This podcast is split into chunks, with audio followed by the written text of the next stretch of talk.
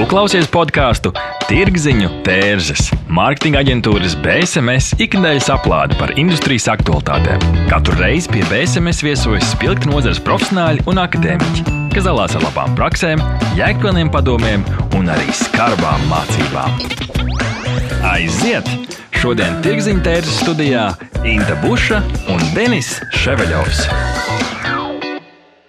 Mārketings ir viens no tiem instrumentiem, ko bieži uzskata par ekskluzivitāti, ne pamata nepieciešamību, ko pierāda arī iepriekšējais gads, kad reklāmas tirgus sarukums kopā sasniedz 16%.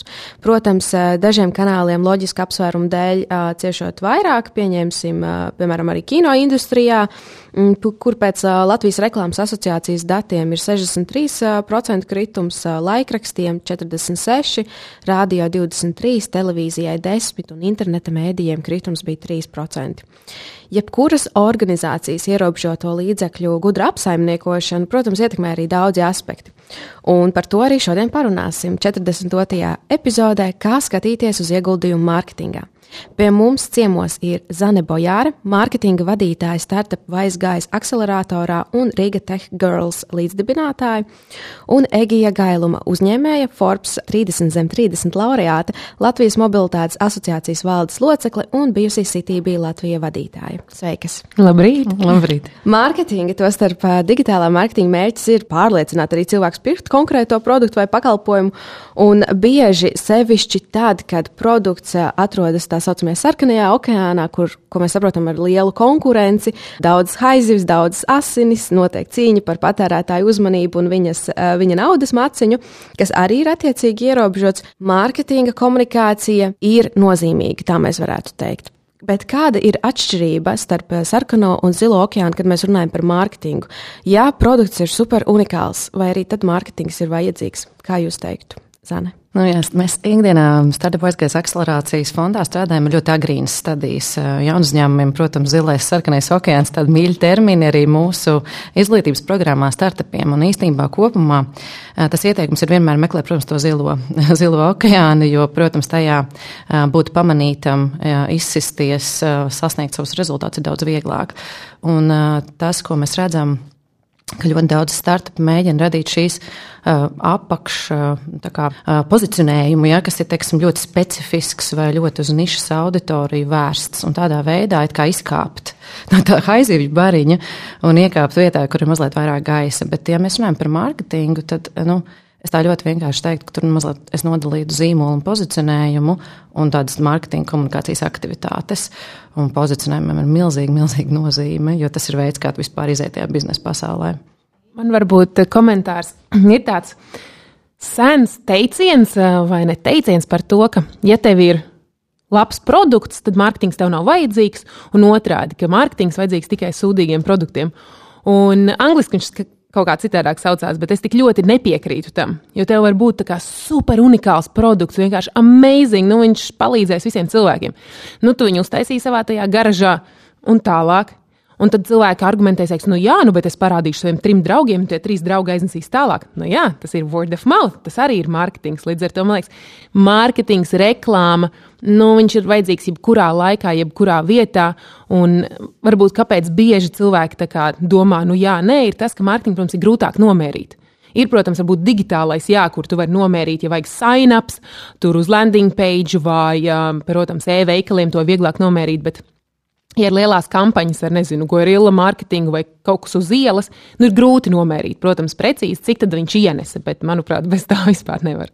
Jā, un arī tas faktors, ka patiesībā jebkurš zilais okeāns kaut kādā brīdī atkal kļūs sarkans. Nu, kaut kādā brīdī jau atkal atnāk citi spēlētāji, kas līdzīgu ideju sāk veidot vai uzlabot, un tā tālāk tā, tā komunikācija kaut kādā brīdī vienalga, pat ja tu, tev liekas, ka tu esi super unikāls, eh, viņi ir svarīgi. Mēs ar Norstetā palīdzību arī jautājam šādu jautājumu mūsu respondentiem, cik jūsuprāt svarīgi ir komunikācija un mārketings uzņēmuma pašā darbības eh, sākuma posmā.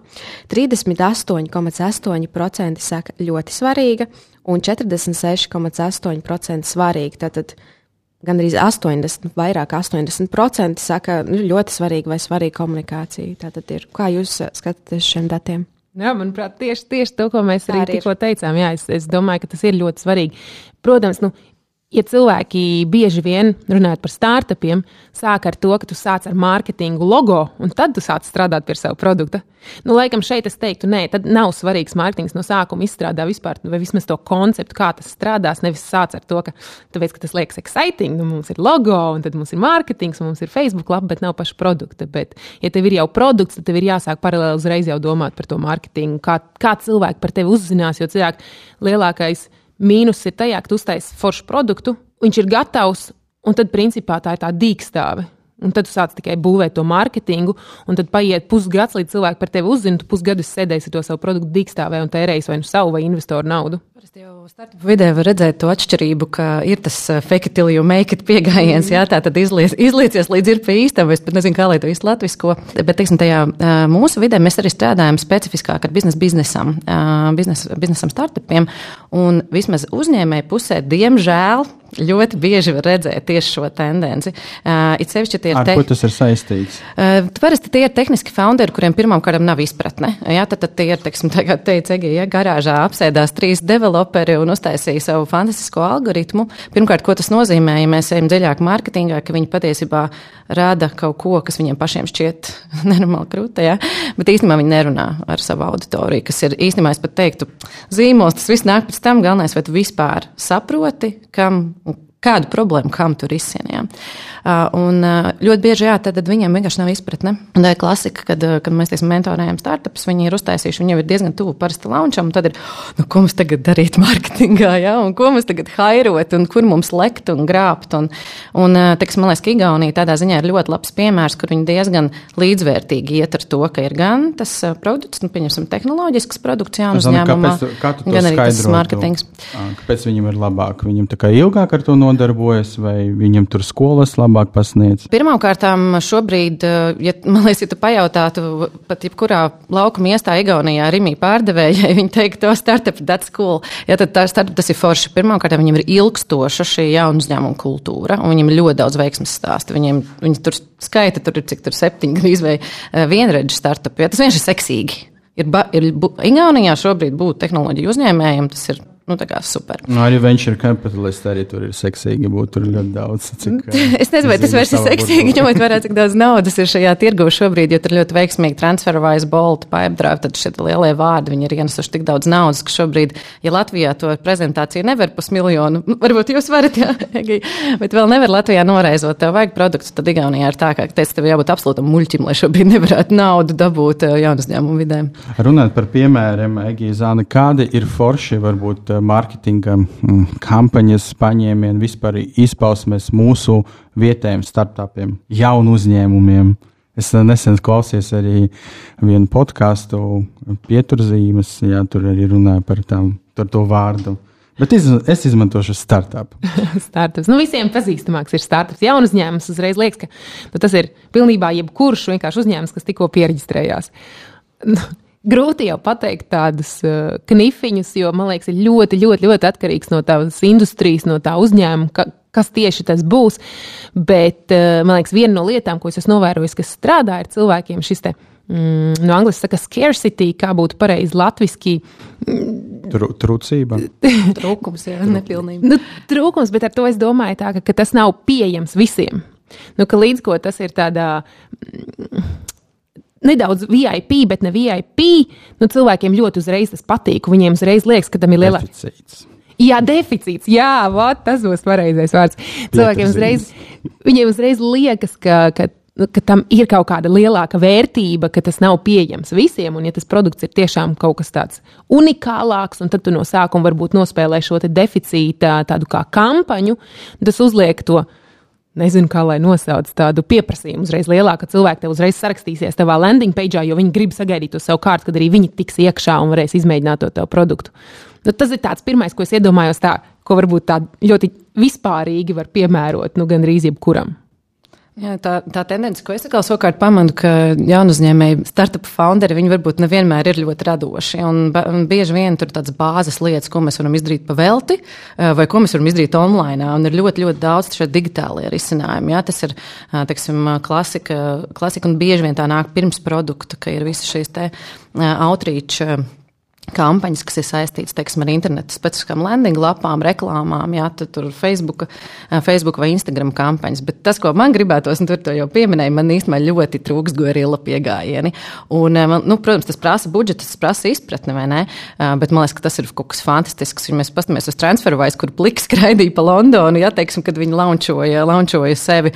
Nu, Bēm, tas joprojām ir ieraksts TransferWise Google, Google Images meklētājā, un tas tur ir, un tas paliek, un tas rada uzreiz tādu pilnīgi savādāku izpratni par to zīmolu. Nu jā, grila mārketinga vispār prasa radošu, kreatīvu pieejamu un ideju. Protams, arī tā viņa veidojas, kad ir arī deficīts budžetam, vai neviens nav padomājis, kā plānot uh, vispār startupā biznesa plānu veidot. Nu, vēl, arī, vēl ir arī Jā. atkarīgs um, no tā, kādi ir tie tavi investori. Jo, protams, ir daļa investoru, kuri paši ir ļoti tehniskie. Un, ja tu piedāvās, ka mēs gribam tiešām uztaisīt ļoti labu mārketinga kampaņu, launch kampaņu, Nu, var gadīties arī, ka šie investori, protams, tev pilnībā mm, smērē pret sienu un saka, nu, nē, nebūs. Nu, mēs netērēsim tik lielu budžetu mārketingam, jo viņiem liekas, ja viņi paši ir tehniskāki, tad viņiem, protams, tā rezultātā tam startupam ar investoriem jāatrod kaut kāds kompromiss un, un, un, viduspozīcija. Tad, man liekas, ir vēl viens tāds, viena lieta, ir, ko jā, tu jau minēji. Nu, bieži vien startup founderi ir tehniskāki, viņi nav tik varbūt radoši. Un otra lieta, es teiktu, ir tā, ka ir jāatrod kaut kāds kompromiss ar investoriem, jo būs investori arī mūsu gadījumā, piemēram, mūsu jaunajiem startupam. Investors, kurš pilnībā mēs uzlikām budžetu, viņi saka, kāpēc jūs tik maz mārketingam ielikāt? Mārketingam ir jābūt vismaz apmēram trešdaļai no visa budžeta, un viņiem liekas, tas ir skaidrs. Un savukārt ir otrs mums investors, kurš tiešām ir ļoti tehnisks, viņam ir ļoti tehnisks uzņēmums, viņam savukārt nav īsti saprotams, vai tad, nu, jā, apmēram no tās sērijas, ka jums nebūs tik labs produkts, ka jums vajag tik daudz tērēt mārketingā. Tad tā, man liekas, ir vēl viena tāda nu, mazā problēmiņa. Jā, nu šādi mēs varam pāriet pie nākamā jautājuma. Pēc kādiem kritērijiem investori un biznesa eņģeļi vispār vērtē mārketinga plānu? Jā, tajā stadijā, kurā investējam mēs, eh, let's face it, tur parasti nekāda mārketinga plāna vēl nav, eh, vai arī tas ir maza budžeta ailīte, ja, un, eh, un arī atkal jau es iešu apakaļ uz to, ka ļoti atkarīgs no tā, kurā jomā tas jaunu uzņēmums tiek attīstīts. Ja mēs ejam uz tātad, consumer pusi, tad, uz patērētājiem, protams, tam ir jābūt ļoti, nu, ir jāredz, kādā veidā tos klientus varēs dabūt šis jaunu uzņēmums. Uh, to noteikti skatās. Nu, klasika ir, ka what's your go-to-market strategy? Ja tas ir viens no tipiskākajiem jautājumiem, ko jautā, uh, jautā uzņēmumi um, investori.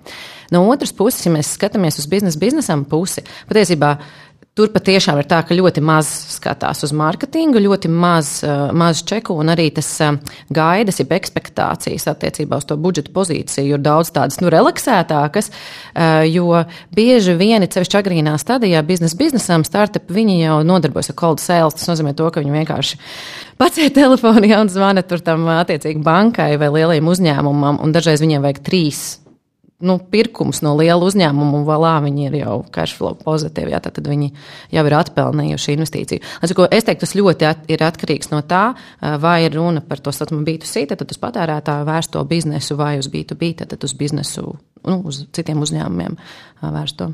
Bet, ja mēs skatāmies, teiksim, kaut vai B2B kategorijās, vai ir arī kaut kādi segmenti, kur mārketings ir kritiskāks un tādi, kur tas ir mazāk svarīgi? Jā, nu, es teiktu tā, ka tāda īpaša, tā pilnīgie meža dīvainīša, kas viena no auditorijām, ar ko mēs strādājam, tie ir kiberdrošības startupi un akdieniņās, viņi jau vienkārši nevar izstāstīt, ko viņi dara, kur nu vēl kāds mārketings. Bet tas, uz ko mēs parasti skatāmies, ir patiesībā, vai, vai viņi ir padomājuši par absolūtām bāzes lietām. Nu, angliski man patīk to saukt, are you legit? Nu, vai tajā mirklī, vai, tad, vai tu esi pīstam, ja es, ja es tevi iegūlēju, vai tev ir normāla mājaslapa, ja tu sūti, ja tu sūti ēpastu, vai tev ir normāls, nezinu, kaut kas, ko tu pieliec, uz ko tu nolinko. Vienalga, nu, kaut vai mēs runājam par brutāli PowerPoint prezentāciju, vai viņu atverot, es varu saprast, vai tas izskatās pa īstam, vai tas atbilst tam produktam, ko jūs darat. Ja? Un, nu, kā, es teiktu, ka ir noteikti jomas, kur, kur arī investors, it sevišķi agrīnā stadijā, būs pielaidīgāks. Bet tikko mēs skatāmies no Kalas uz Igauniju, vienmēr man Denis jautāja, ja, tad tur man liekas, viņiem ir vienkārši estētika. Viņi vienkārši māki iepakot, paskatieties, kā Igauni vienkārši ir nopozicionējušies. Ja. 1,2 miljoni, viņi lielās, ka viņi ir krūtākā tehnoloģija valsts pasaulē. Ja. Vienkārši tad, tad ir kaut kāds brīdis, kur tas iepakojums ir ļoti, ļoti, ļoti svarīgs. Ja. Un tad tikko kā, piemēram, Nu, saku, man vienkārši liekas, vienkārši tajā brīdī, kad tu kā piekšā patērētāju patērētāju pusē, pat ja tas ir B2B2C, tiksim, marketplace, nezinu, kā to latvisko. Tad, tad nu, startups, kas, kas, kas gan, gan puses ņem, jā, nu, Bolts, piemēram, lielisks piemērs, jā. Nu, tur bez mārketinga nekādi. Nu, man liekas, vēl liekas tas, ka tas B2B segments. Nu, to bieži vien mēs uzreiz uztveram, jā, ka tu pārdod kā fizistam biznesam. Bet reāli tos lēmumus jau pieņem cilvēks kurš ir tajā biznesa pusē. Un tāpēc man liekas, ka kā, mārketings ir svarīgs arī tajā B2B pusē, jo bieži vien jau tie paši cilvēki, kas atbild par to biznesu, viņi arī skatās Facebook, viņi skatās YouTube un visu pārējo. Man liekas, viena no pēdējā laika tādām, nu, laikam tas ir tāds B2B, B2C reklāmām, ko es redzēju, ko es pat YouTube, ko man uzlicis, noskatījos līdz beigām, ir tāda ClickUp. Man liekas, viņiem mēģina um, tajā project management apmēram, un viņi tajā reklāmiņā atlaiž džiru. Kas arī ir tāda šī project management tā kā, sistēma. Es nezinu, vai jūs redzējuši to reklāmu. Bet... Esam, esam. Un mēs esam arī pierakstījušies, un esam tagad testēšanas režīmā tieši ar klikām. nu, re, nu, kā, nu, īsti, viņiem liekas, ir tas B2B2C. Un, nu, manuprāt, tas parāda to, cik ļoti labi tas nostrādā. Nu, ka, ka cilvēki noskatās to reklāmu pat līdz galam, un arī es pierakstījos tam klikam pēc tās reklāmas. Tāpēc, jā, nu, tāda būtu atbilde. Jā, ja mēs runājam, paturpinām to sarunu par Igaunijas uh, tirgu un uh, Latvijas tirgu, tad uh, tas, ko mēs noskaidrojām par jaunu uzņēmumu pietiekamību daudzumu Latvijā, ir, ka 27% domā, ka Latvijā pavisam noteikti nav pietiekami daudz startupu, un 25% drīzāk piekrīt, ka viņi tā kā ir. Kas ir vēl svarīgi, ka 47% uzskata, ka viņi drīzāk piekrīt, ka viņiem interesē Latvijas jaunu uzņēmumu aktualitātes, un 12% pavisam noteikti piekrīt. Tad, respektīvi, arī lielākā daļa, apmēram 60%, tad, tad viņiem interesē, kas notiek startup vidē. Vai to jūs arī izjūtat, strādājot šajā lauciņā, ka cilvēkiem vienkārši tīri dabiski interesē, kas ir tie jauni uzņēmumi, ko viņi dara, un ka tā ir arī tāda informācija, varbūt pat ko meklē apzināti? No savas puses, tā kā, tā kā mūsu uzņēmumi uzņēmums ir, ir visā Baltijā pārstāvēts un īstenībā nāk no, nāk no Igaunijas. Es vienmēr saku, ka nu, jā, Igaunija mums noteikti ir vismaz piecus gadus priekšā tajā startupu, startupu gan tajā nu, vides, vidē, gan arī vienkāršā cilvēka uz ielas izpratnē par to. Latvijā mēs kāpjamies tam, tam pakaļ. Bet no otras puses eh, noteikti var novērot eh, diezgan lielu eh, interesi. Es gan teiktu, ka viņi vēl ir tādos bērnu autiņos, bet tas, kas ir forši, kas es pamanīju, ka teiksim, lielie uzņēmumi bankas sāk izmantot, piemēram, startup kaut kādu tādu pieejamību, gan tur hackathonus rīkot, jā, vai tur arī valsts sektors, starp citu, pat vids ir taisījis blockchain hackathonu, kur mēs viņiem palīdzējām norganizēt. Man liekas, tas ir fantastiski, ka tas arī ieiet, teiksim, pat tajā tomēr ļoti konservatīvajā vidē, kas ir valsts pārvaldība pārvalde. Un, jā, ir arī tiksim, darbojoties Riga Tegals, kas ir vienkārši burvīga, burvīga nevalstiskā organizācija. Šobrīd var ļoti redzēt, vismaz no sieviešu un jauni, jaunietēm, ja, tā interese vispār par IT jomu, un tā skaitā arī jaunu uzņēmumu lomu ir, ir liela, un mums to ļoti, ļoti vajag. Jo pirmām kārtām ir IT pozīcijas, kuras mēs nevaram aizpildīt jau tagad, un Igaunijā tā ir milzīga problēma. Nav darbinieku. Vienkārši nu, nav kur nohairot. Ja. Un, eh, un otra lieta, man liekas, ka uzņēmējdarbība vispār ir sevišķi tajā, nu, negribas jau atsaukties uz to padomu laika bloku, ja, bet, nu, pastamies, no Igaunijas sevi ir reāli strateģiski mērķiecīgi izcēlusi, ja, no, nu, kā, no, nu, viņi bija tajās pašās starta pozīcijās kā mēs, un, un, un paskat, kas notiek, un viņiem, es neatceros procentu, bet es. Um, IKP procents no, no jaunu uzņēmumiem un arī visi nodokļi, kas tiek nomaksāti, un dar, nu, darbinieku nodokļi. Fantastiski. Nu, tas ir, norm, nu, ir normāla budžet, valsts budžeta pozīcija. Un es domāju, ka Latvija arī var. Ko var Latvija un vispār kādi būtu ieteikumi jaunu uzņēmumiem? Par šo runāsim mūsu epizodes otrajā daļā pēc īsa pārtraukumā. Neatbildami jautājumi, sarežģīti lēmumi. Sazinies ar Norstat. Mēs palīdzēsim. Norstat Tas ir draudzīgs servis, innovatīvi risinājumi un kvalitatīvi dati, lai tu varētu pieņemt veiksmīgus, datos balstītus lēmumus. Pievienojies vairāk nekā simts Latvijas uzņēmumiem, kas uzticas vadošajam datorisinājumu nodrošinātājam Ziemeļeiropā. Mūsu mērķis ir atvieglot tavu dzīvi un ļaut pieņemt pareizus lēmumus. Norstat - vērtīgi dati svarīgiem lēmumiem. www.norstat.lv Esam atpakaļ, un viens par tiem piemēram, kā vispār, vispār valsts varētu attīstīt šo domu, manuprāt, kā ideja kaus ir viens no tiem ruporiem, ko izmanto valsts, lai iedrošinātu vispār cilvēkus iesaistīties uzņēmēju darbībā, un varbūt arī viņam tas sanāk. Viņi to dara jau, manuprāt, jau 15 gadu. Es arī piedalos tur tikko otrajā kārtā, un daudz kas ir arī klausos tādā uzmanīgāk. Tas ir ļoti interesanti. Bet kā ir tā, varbūt tiem igauniem vienkārši ir iemācīts no skolas, ka viņi varētu būt uzņēmēji un viņi var izdomāt risinājumu. Jūs esat skatījušies uz to. Jā, viņiem ir patiešām ļoti daudz dažādas uzņēmējdarbības, nu, mācību programmas. Patiešām šobrīd, nu, teksim, pat mūsu portfelī ir 18 gadīgi cilvēki, kas nāk jau ar, jau ar startupu. Man liekas, vienkārši wow. wow. Jā, un, teiksim, TransferWise bija palaiduši savu, savu arī jauniešu mentoru programmu un tam līdzīgi. Tā kā, bet es teiktu, ka tas ir tāds, nu, tajā brīdī, kad tas valsts līmenī ir gan strateģiski, gan seksīgi, tas dabīgi ienāk, man liekas, ka tajā, tajā nu, kultūrā, tajās programmās. Un otra lieta, jā, ir patiešām, man, man arī negribās tur tā, ka Latvijā viss slikti, Igaunijā viss labi. Tā īstenībā nav.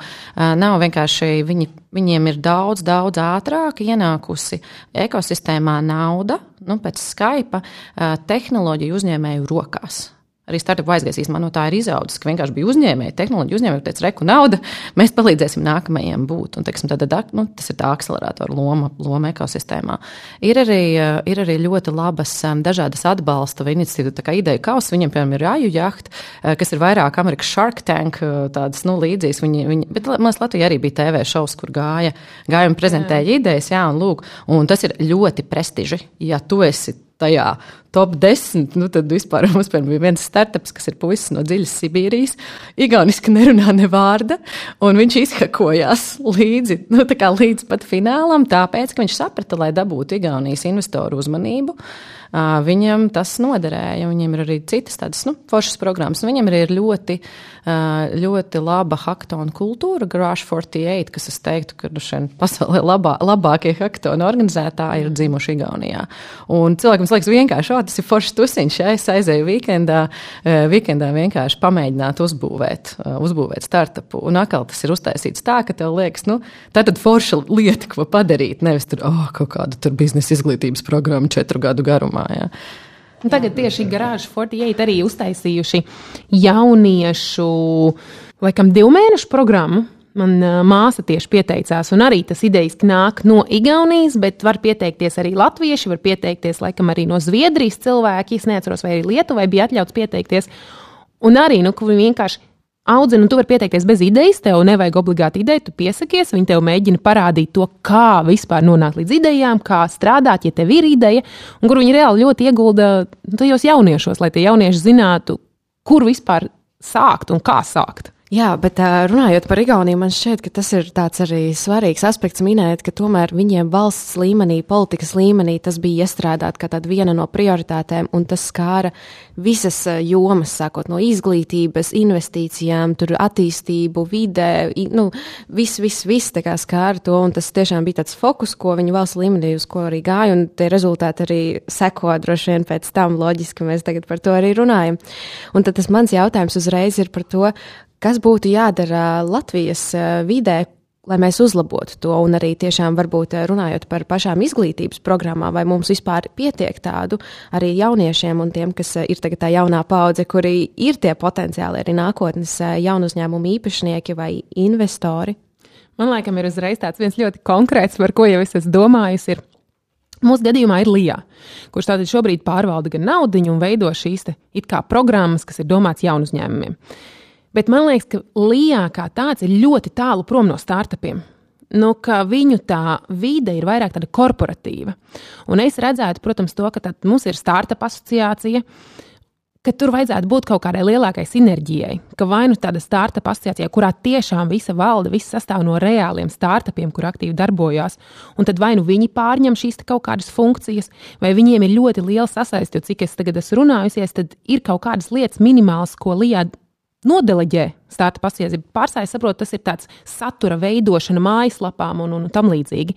Un es redzētu to, ka ir tieši, tieši tā starta asociācija palīdz izprast, kas tad ir nepieciešams. Šobrīd ir dažādi tie kuponi lijā un, un dažādas atbalsta programmas, bet beigās, kad es zinu arī vairākus gadījumus, kur tiešām ļoti potenciāli labi startupi sāk iet to procesu, un viņi saprot, es atvainojos par valodu, nu ir nafig, jo tā birokrātija, kāda ir uztaisīta, viņi saprot to, ka nu nē. Nu, nē. un tad viņi mēģina iet un meklē kaut kur un atrod rezultātā Igaunijā investorus kaut kur citur, jo tu saproti, ka tur ir pārāk, pārāk sarežģīta tā struktūra uztaisīta. Ja mēs runājam par ieguldījumu mārketingā un tieši arī par LIA, paturpinām, jā, viņiem ir vairāki atbalsta rīki, gan jau uzņēmumiem, gan arī eksporta, pieņemsim, komunikācijai. Zani, kā tu vērtētu, cik šie rīki vispār ir nozīmīgi un vērtīgi? Man liekas, ka es noteikti Egejai piekritīšu labā ziņa, ka tās runas ir, un jau, man liekas, kādus divus gadus tiek, tiek plānots, kā varētu apvienot šīs divas ļoti, Latvijas, Latvijas ir vienīgā Baltijā, kur ir atdalīta startupu kā, asociācija un valsts struktūra, kurai būtu jāatbalsta. Jo, piemēram, Igaunijā un Lietuvā Startup Estonia un Startup Lithuania ir valsts struktūra, viņiem patiešām ir nu, konkurētspējīgas, labas algas, liela komanda. Startup Estonia ir viens atsevišķs cilvēks par startup vīzām, viens atsevišķs atsevišķs cilvēks par datiem, viens atsevišķs cilvēks nodarbojas ar kopienas, nu, community management. Ja. Tā kā es noteikti ceru, ka tur būs ātrāka virzība, un, protams, startupu izpratne tas ir ārkārtīgi svarīgi. Piemēram, viņu vajag nevis darbu, mazo darboņu līmenī, kas nu, nav jau tik slikti, bija mums fantastiski cilvēki īstenībā arī Lijā, kas, kas atbalstīja, bet nu, viena lieta ir uztaisīt foršu pasākumu, jā. otra lieta ir lēmumu pieņemšanas līmenī saprast, jā, ko vispār nozīmē jauns uzņēmums. Un, jā, šie atbalsta mehānismi, es teiktu, tas, ko Lijā dara, ļoti labi strādā priekš jau lielākiem uzņēmumiem, kas, kas eksportēs. Pat esmu bijusi savā laikā ar savu uzņēmumu, pie viņiem konsultēties. Jā, nu, OpenMai jāiz, jā, pateicu, nevienam tam zīmolu Norvēģijā nevajag, taisi white label, un viss tavā dzīvē izdosies, jā, tas bija tiešām ļoti labs padoms. Bet uz tas, ko viņi dara ar jaunu uzņēmumiem, manuprāt, tiešām pieklibo. Un noteikti to var izdarīt labāk. Bet no otras puses, ja mēs paskatāmies to, kas notiek ekosistēmā, šobrīd arī Latvijā interesantam, tātad cilvēkam, parastajam, kurš saka, oh, es labprāt paskatītos, vai jaunu, jaunu uzņēmumu virziens ir mans, ir ļoti daudz iespējas. Tikko ir palaista Riga Tech Girls mentoring un iepazīst tehnoloģijas programma sievietēm. Zem Tech Huba ir palaista startu, es neatceros, kā viņš precīzi saucās, bet tā ir, tā ir tāda tā kā skola, ja, kur var crash course ja, ļoti ātri iziet cauri, saprast, saprast nu, kas vispār ir jauns uzņēmums, ar ko jārēķinās, kā viņu noreģistrēt. Un arī par marketinga moduli tur arī ir klāta, man liekas, es pareizi zinu. Jā, tā kā iespējas īstenībā šobrīd ir ļoti daudz. Mūsu raidieraksts, kā es nesen uzzināju, ka tagad Latvijas sauc podkāsts, vai aplāde ir tomēr par mārketingu, jeb tirgzinību. Kādu literatūru vai avotus vispār jūs ieteiktu kla mūsu klausītājiem patērēt, palasīt, piesekoties, lai būtu up to date ar mārketinga jaunumiem tieši jaunu uzņēmumu sfērā? Nu, viena no, piemēram, raidierakstiem, tātad, kas nav, piemēram, latviska, latviešu valodā, ir tāds marketing over coffee. Un, uh, Un kāpēc man tieši patīk vienmēr raidīja raksti, jeb šo podkāstu, ir, jo tur aicina tos cilvēkus, kur tajā brīdī strādā tajā jomā, un viņi pastāsta tos jaunākos jaunumus, nevis kur tu lasi. Grāmatas arī ir labi, es arī esmu lasījis daudz dažādas grāmatas, gan par mārketingu, gan par uh, zīmolu vadību, bet tu jūti, nu, ka tur ir kaut kāda bāzīte, bet daudz kas ir jau novecojis. Tāpēc teikt, tāds Marketing over coffee ir, ir, ir super, kur tiešām viņi izrunā. Viens no pēdējiem, piemēram, bija par to, kā, man liekas, tā bija Mariotu viesnīcu ķēde, pārdzīvoja um, visu Covid krīzi, kad principā viss vērās ciet, un viņš stāstīja.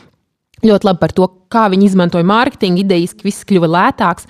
Daudz uzņēmumu pieņēma lēmumu tieši neinvestēt mārketingā, bet no otras puses, tie, kuri saprata to, ka bācis šobrīd viss ir tieši lēti, un tu patiesībā vari uzbūstot savu zīmolu daudz vairāk, jo daudz sāk skatīties vairāk televīziju, un reklāmas cenas kritās. Tad Marijas ļoti labi izstāstīja par to, kā viņi took advantage uh, no šīs krīzes.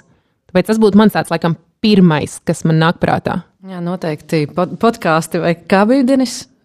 Raidieraksts.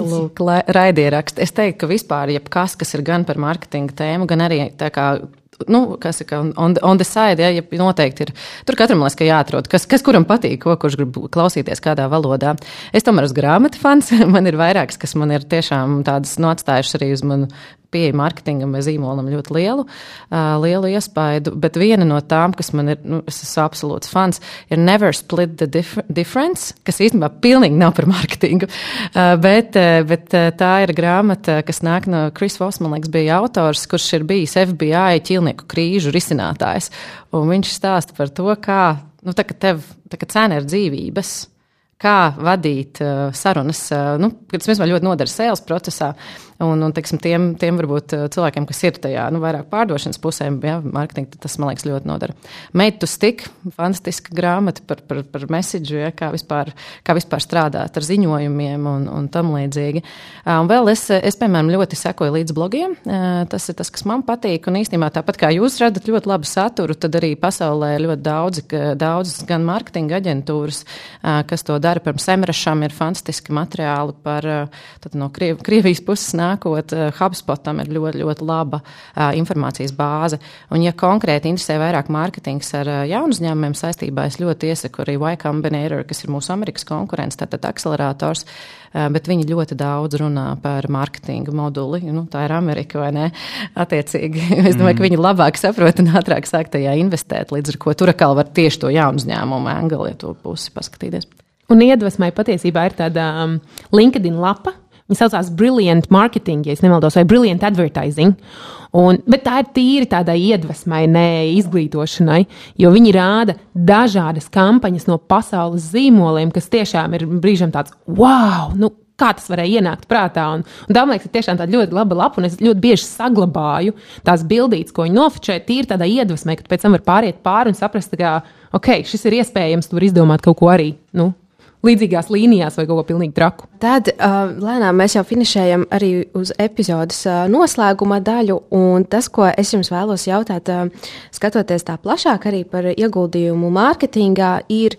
Kā vispār plānot ieguldījumu mārketingā, un kas būtu jūsu tips and tricks tiem klausītājiem, kas tagad uh, varbūt plāno savu jaunu uzņēmumu, vai ir arī kaut kādā jau attīstības stadijā, un domā, ko man tagad iesākt, kā, kā man vispār darīt, un kur man likt cik man likt procentus, vai ko, ar ko man vispār sākt, vai kā man pārliecināt kādu investoru, ka man vispār vajadzīgs mārketings. Mārketings ir pilnīgi nezinām tēma, ko jūs ieteiktu kā gal, galvenās atziņas. Nu, es laikam varu izstāstīt tīri, piemēram, kā mēs to darījām. Man nav konkrētas formulas ar, ar konkrētiem šobrīd procentiem, bet tas, ko mēs darījām, ir mēs salikām visu apmēram visas budžeta pozīcijas. Nu, tādam tīri tiešām jaunu uzņēmumam, kuram vēl nav skrejošs bizness, bet ir ideja un viss ir jāuzstājas. Mēs salikām visas pozīcijas. Un salikām tādas, nu, pilnībā tādas, kuras vispār ir fixed cost, kur tu nevari, ja tu viņas izņem ārā, tad biznesa nestrādā. Un sākām likt kopā, salikām tātad, cik maksās pats produkts, uh, cilvēkam, kā patērētājiem. Um, salikām mūsu tos saucamos pieņēmumus, jeb assumptions, cik mēs nopelnīsim. Un tad mēs sapratām, cik daudz varam tērēt tajā mārketingā. Jo skaidrs, ka sākumā mēs mārketingā iztērēsim vairāk nekā mēs nopelnīsim. Bet ar laiku nu, tas nedrīkst būt tāds ilgtermiņa stratēģija. Tā nedrīkst būt. Tā var būt nu, kaut kāda, nezinu, nu, pusgads, gads vai arī konkrēta kampaņa, kur, piemēram, tu iztērē vairāk, bet tu zini, ka tā lifetime value būs daudz lielāks pēc tam, pēc tās kampaņas. Līdz ar to mums beigās sanāk tā, ka mēs mārketingam atvēlēsim šajā gadījumā pāris tūkstošus mēnesī, saprotot, ka mēs tiešām esam pilnīgs jaunu uzņēmums, pilnīgi iesācēji, idejiski. Kāds cits teiktu, nē, nu tā kā kreizī, jūs no sākuma vēl nepelnīsiet, nu tur vispār pāris simtus, bet mēs saprotam, nē, tā nevar. Mēs ierēķinām apmēram 2 līdz 5 tūkstošus tērēt mēnesī. Un pašam launch kampaņai, tur mēs sapratām, ka apmēram nu, mūsu gadījumā būs vajadzīgi vismaz kaut kādi nu, 15, 20, 25 tūkstoši. Tas ir tā, lai tiešām Rīgā plus mīnus. Nu, tā mūsu mērķa auditorija zinātu, ka šis pasākums notiks. Un tas izrietēja tiešām saliekot vienkārši visus ciparus kopā un saprotot, cik mēs varam atļauties. Tāpēc man nav tādas formulas tur tieši procenti, bet jo uzņēmums vairāk aug, jo, protams, arī nu, tās mēneša mārketinga izmaksas augs. Un es zinu, ka internetā ir pieejamas arī dažādas formulas, kas ir vispār aprēķināti. Protams, tava mm, klienta vērtība un tā tad tas lifetime value, cik viņš, tad, piemēram, apmēram, mūža laikā iztērēs pie tevis, un pēc tā tu vari aprēķināt, nu, cik tu vari atļauties. Bet uh, iespējams, ka citiem ir labākas metodas. Nē, es īstenībā pilnīgi no otra, otra gala, ja mums, ja, ja mums ir jāiedvesmo cilvēks, tad es teiktu, nevajag, nevajag no sākuma iet ar visas tās formulas, varbūt arī skatīties in, in early days, tad agrīnā stadijā. Es parasti, viens, viens padoms man noteikti ir sākt ātrāk domāt, es tev piekrītu par to, jā, ka tu nevari uzbūvēt to produktu, un tad sāk domāt par mārketingu. Numur viens. Numur divi divi outsource everything. Nu, tas ir atdot profesionāļiem darīt. Un es, piemēram, pat iekšēji paši startup aizgājām, esam tikai divi cilvēku mārketinga komanda, un mēs saprotam, nu, ir daudz dārgāk paņemt darbinieku ar vienu šauru specializāciju, vai arī generalistu, ja, marketeri, kurš tad kaut ko nedaudz dara, ok, visās jomās neko nedara wow un uh, drīzāk visu atdot, sadalīt. Jā, tev ir speciālists SEO, Search Engine Optimization, tev ir speciālists digitālajā ēdz, tev ir speciālists, kas tev kontentu raksta un tam līdzīgi. Un cevišķi PR, teiksim, es pati nāku no sabiedriskām attiecību puses, nezinu. Man liekas, ka neprofesionāls. Nu, tur vajag ļoti harizmātisku teiksim, founderi, ja, kurš vienkārši ļoti labi saprot, kur vienkārši čūņķis strādāja uz to.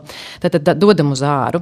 Uh, noteikti Noteikti vajag arī saprast, kāds resurss ir iekšā, jo atkal var gadīties tīraņi. Jā. Ir, teiksim, fantastiski founderi, jā, kuri var iet un nu, būt bombastiski, jā, gan tur runātāja konferencēs, gan, gan vēl kaut kur. Un, protams, jāatcerās, kur tā auditorija dzīvo.